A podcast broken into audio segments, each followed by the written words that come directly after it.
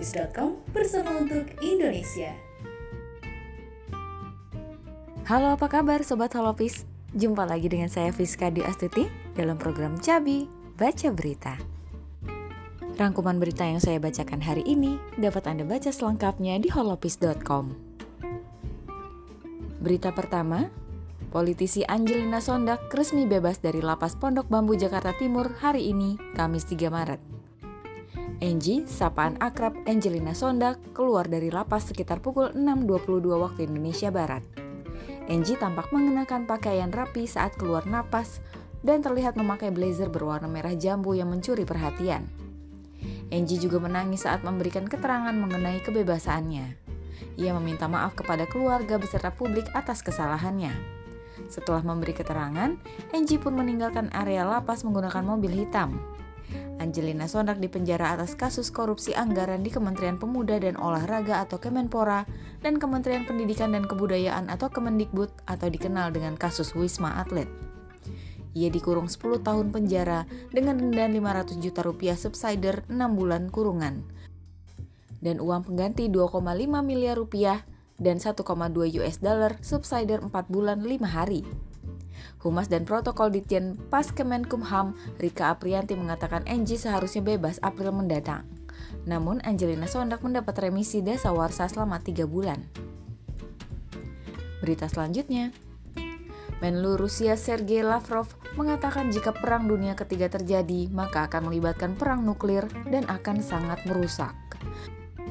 Lavrov menuturkan Rusia akan menghadapi ancaman nyata jika Kiev memperoleh senjata nuklir. Rusia memulai serangan penuh operasi militer ke Ukraina sejak pekan lalu. Selain itu, Lavrov juga menyatakan mereka tidak bisa menerima jika sejumlah negara Eropa menjadi lokasi penempatan senjata nuklir Amerika Serikat.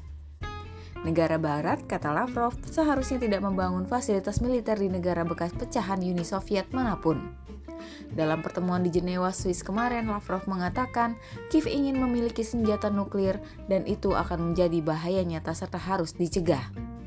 Di pertemuan yang sama, Menteri Luar Negeri Ukraina menuding Rusia melakukan kejahatan perang dengan menyerbu negara dan dia menyerukan ada rapat khusus untuk menanggapi invasi Rusia ke Ukraina.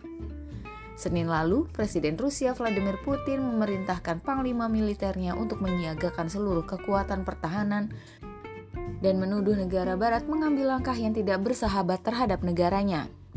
Moskow memiliki armada senjata nuklir nomor dua terbesar di dunia dan sejumlah rudal balistik yang menjadi andalan pertahanan negara. Berita berikutnya, harga bahan bakar minyak atau BBM keluaran PT Pertamina kembali mengalami kenaikan harga per Kamis 3 Maret. Kenaikan ini berlaku untuk produk BBM non-subsidi seperti Pertamax Turbo, Dexlite, dan Pertamina Dex. Diketahui sebelumnya, tepatnya pada 12 Februari lalu, Pertamina telah menaikkan harga jual BBM dengan jenis serupa. Namun demikian, Pertamina masih enggan untuk menaikkan harga BBM subsidi seperti Premium dan Pertalite. Kenaikan harga jumlah Pertamax Turbo Dexlite dan Pertamina Dex terjadi dalam kisaran Rp850 sampai Rp1.600 per liter. Adapun daftar harga BBM Pertamina terbaru di seluruh SPBU Indonesia yang berlaku mulai Kamis 3 Maret adalah sebagai berikut. Premium dengan RON 88 harganya Rp6.450 per liter. Pertalite dengan RON 90 harganya 7.650 sampai 8.000 per liter. Pertamax dengan RON 92 harganya 9.000 sampai 9.400 per liter. Pertamax Turbo dengan RON 98 harganya 14.500 sampai 15.100 per liter. Solar atau biodiesel dengan subsidi harganya Rp5.150 per liter. Dexlite harganya 12.950 sampai 13.550 per liter. Pertamina Dex 13.700 sampai 14.300 rupiah per liter. Berdasarkan daftar harga BBM terbaru, harga jual BBM jenis Pertamax Turbo tertinggi ada di daerah Kepulauan Riau dan Bengkulu, yakni sebesar Rp15.100 per liter. Sementara harga Pertamax Turbo di DKI Jakarta dan sekitarnya adalah Rp14.500 per liter. Kemudian, untuk Pertamina Dex, harga tertingginya juga berada di daerah Kepulauan Riau, Riau, Batam, dan Bengkulu dengan harga 14.300 per liter. Sementara harga jual BBM jenis ini di DKI Jakarta dan sekitarnya sebesar Rp13.700 per liter. Lalu harga jual Dexlite tertinggi ada di Riau, Kepulauan Riau, Bengkulu dengan harga mencapai Rp13.550 per liter. Sedangkan untuk harganya di DKI Jakarta dan sekitarnya dibanderol seharga Rp12.950 per liter. Keputusan Pertamina untuk menaikkan harga jual BBM ini telah berdasarkan ketentuan hukum yang mengacu pada keputusan Menteri atau Kepmen ESDM nomor 62K garis miring 12, garis miring MEM, garis miring 2020, tentang formula harga dasar dalam perhitungan harga jual eceran jenis bahan bakar minyak umum, jenis minyak, dan minyak solar yang disalurkan melalui stasiun pengisian bahan bakar umum. Berita selanjutnya, ratusan warga Pamekasan, Jawa Timur masih bertahan di posko pengungsian pasca bencana banjir setinggi 1 meter di daerah tersebut. PLT Kepala Pusat Data Informasi dan Komunikasi Kebencanaan BNPB Abdul Muhari mengatakan banjir tersebut diketahui telah melanda 20 desa di Kabupaten Pamekasan, Jawa Timur sejak Selasa 1 Maret.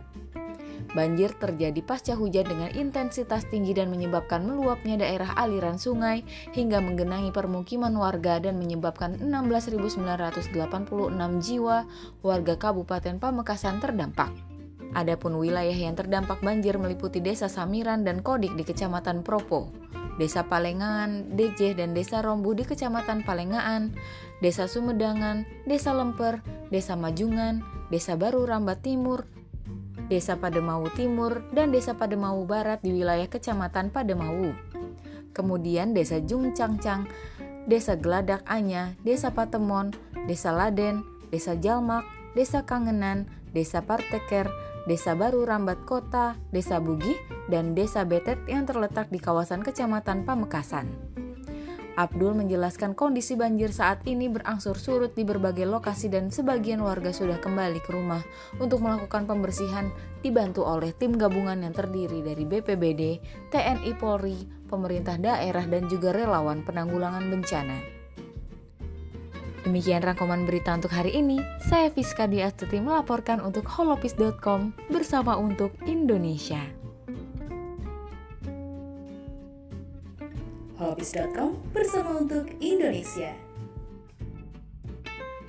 Halo Sobat Holopis, kembali lagi di program kesayangan kita, Cabi Baca Berita. Di sini saya akan membacakan rangkuman berita yang tentunya spesial untuk Anda. Berita pertama datang dari dunia internasional, Indonesia memutuskan menyetujui resolusi PBB yang meminta Rusia untuk menghentikan serangannya ke Ukraina. Resolusi tersebut dilakukan dalam sidang Majelis Umum PBB sesi khusus darurat di markas besar PBB New York, Amerika Serikat, Rabu waktu setempat.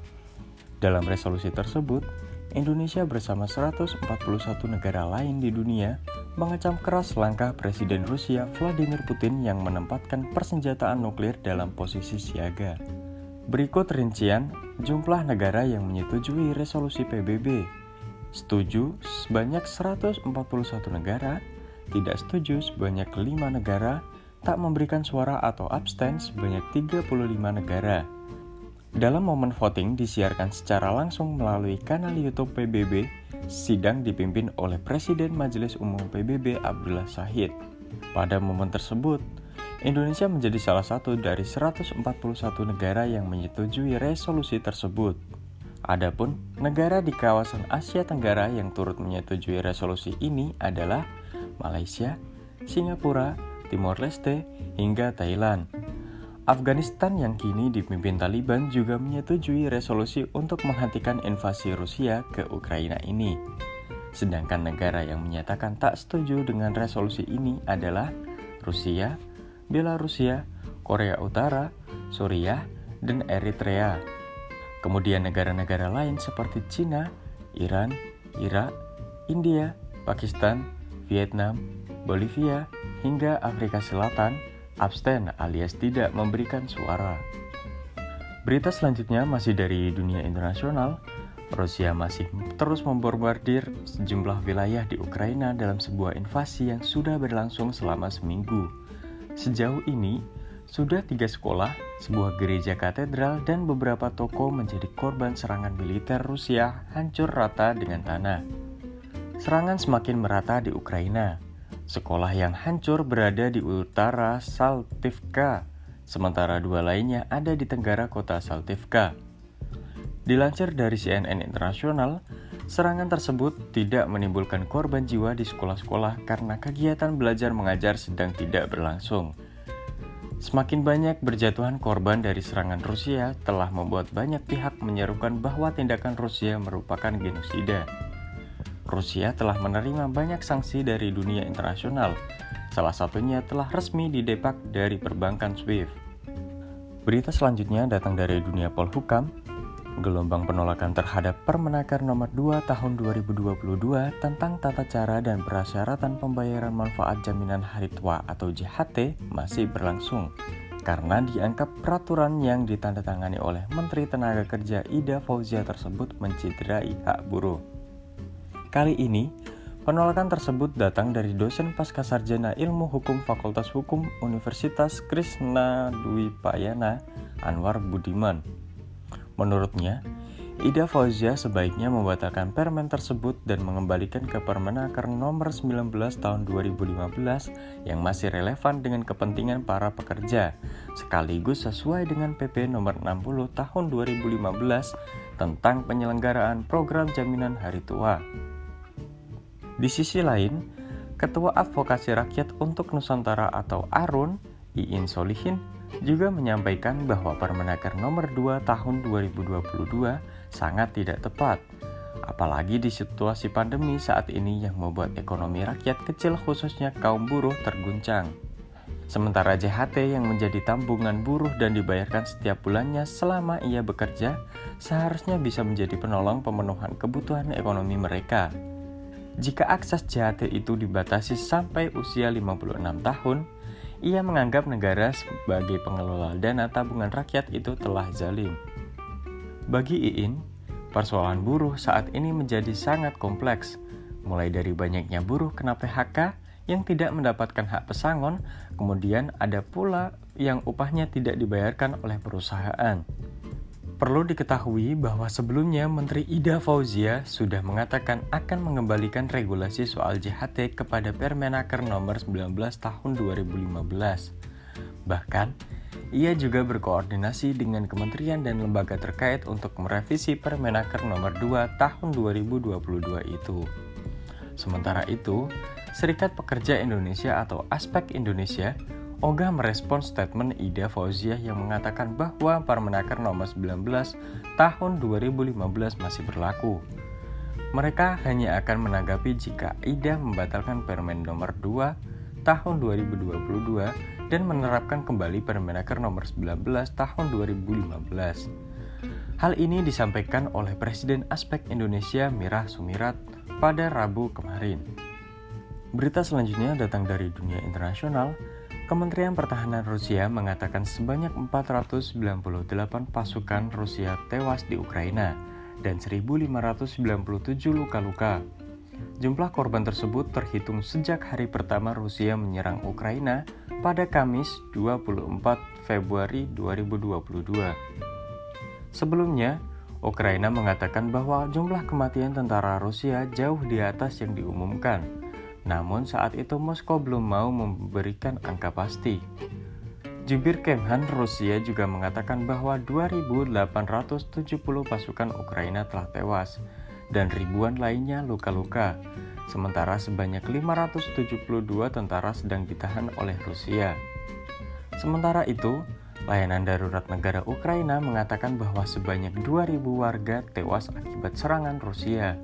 Namun klaim jumlah tersebut belum bisa dibuktikan secara pasti. Saat ini, angka resmi korban jiwa di Ukraina masih dari Perserikatan Bangsa-Bangsa yang mencatat 136 kematian warga sipil, termasuk 13 anak-anak sejak Rusia menginvasi Ukraina.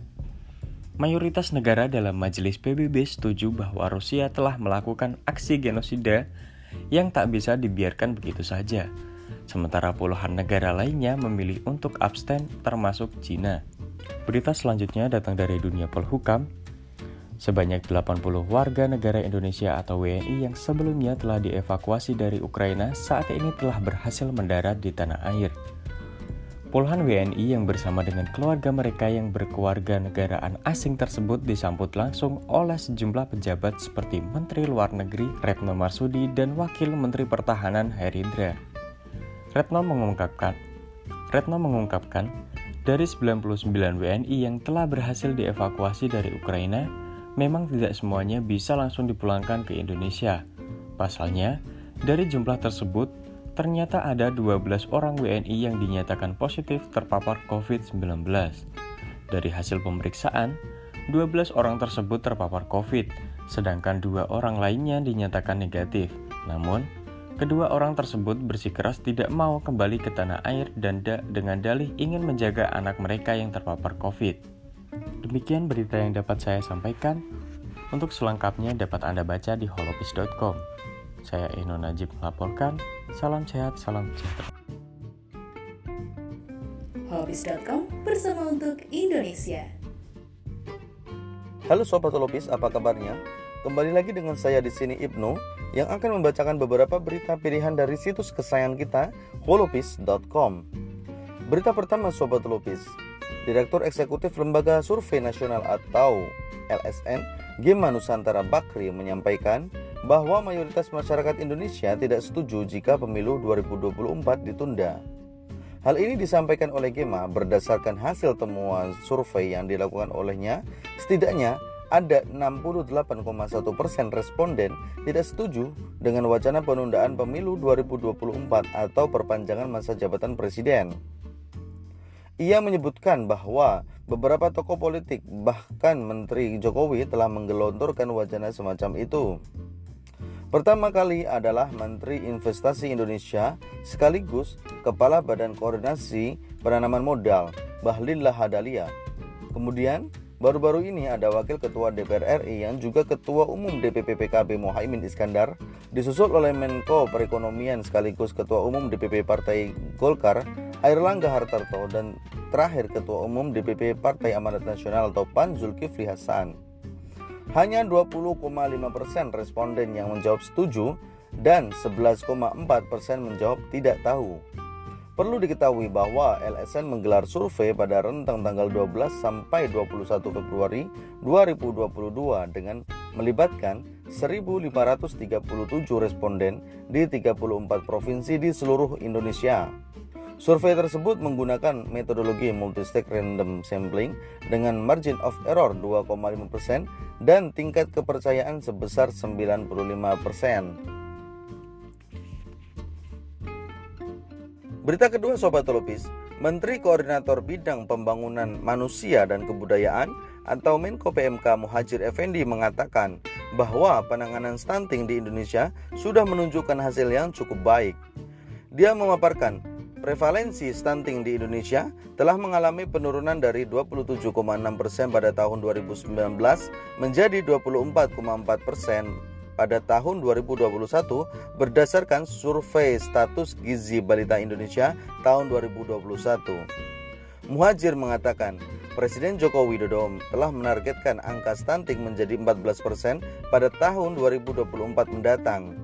Untuk mengejar target itu, maka dari itu, penanganan stunting pada 2 tahun ke depan harus turun sebesar 3 sampai 3,5% per tahun. Berita ketiga Sobat Lopis untuk memulihkan sektor pariwisata di Provinsi Nusa Tenggara Timur atau NTT akan digelar 5 kegiatan festival di tahun 2022 ini. Timur Sony Libing, Kepala Dinas Pariwisata dan Ekonomi Kreatif Pemerintah Provinsi NTT, mengatakan bahwa festival-festival yang akan digelar di 2022 ini sudah masuk dalam Karisma Event Nusantara 2022 yang sudah diluncurkan oleh Kementerian Pariwisata. Upaya pemulihan ini dilakukan melalui peningkatan kunjungan wisatawan maupun pendapatan ekonomi masyarakat karena sektor pariwisata cukup terdampak karena pandemi COVID-19. Kelima festival yang akan digelar yakni Festival Semana Santa di Kabupaten Flores, Festival Dugong di Alor, Festival Pameto di Timur Tengah Selatan, Festival Walobobo di Ngada, dan Festival Parade Kebangsaan di Ende.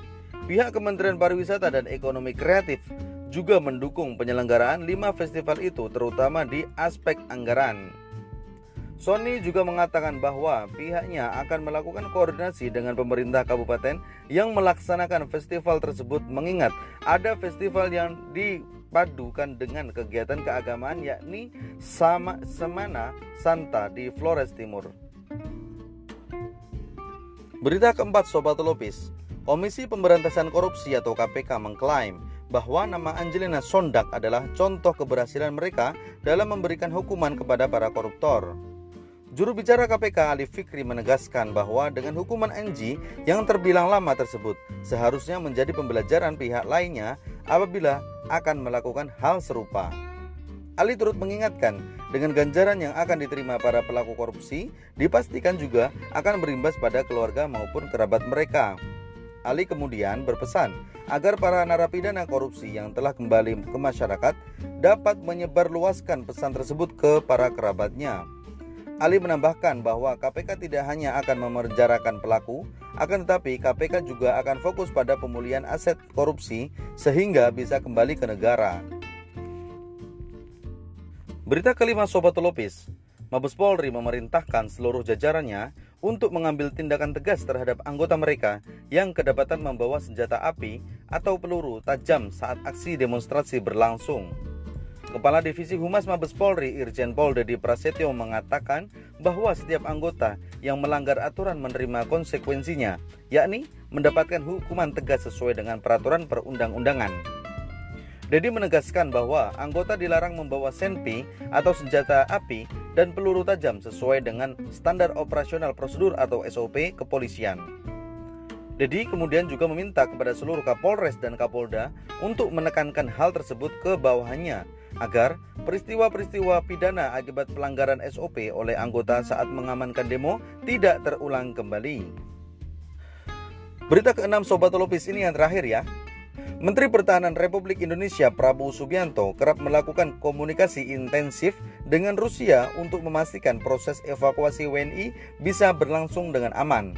Hal tersebut dikatakan oleh Wakil Menteri Pertahanan Herindra saat menyambut kedatangan 80 warga negara Indonesia atau WNI yang berhasil dievakuasi dari Ukraina tiba di Indonesia. Herindra juga mengatakan bahwa dalam upaya evakuasi ini, Menhan Prabowo Subianto selalu berkoordinasi dengan Menlu Retno serta mengambil langkah-langkah diplomasi pertahanan dengan berkomunikasi langsung dengan Menhan Rusia via telepon agar menjamin keselamatan WNI selama proses evakuasi berlangsung. Sebelumnya, sebanyak 80 orang warga negara Indonesia yang sebelumnya telah dievakuasi dari Ukraina saat ini telah berhasil mendarat di tanah air. Puluhan WNI bersama dengan keluarga mereka yang berkeluarga negara asing tersebut disambut langsung oleh sejumlah pejabat seperti Menteri Luar Negeri Republik Indonesia Retno Marsudi dan Wakil Menteri Pertahanan Herindra. Demikian berita yang dapat saya bacakan Sobat Holopis. Berita selengkapnya dapat kalian temukan di situs kesayangan kita holopis.com. Di sini Ibnu melaporkan. Bye bye. Holopis.com bersama untuk Indonesia.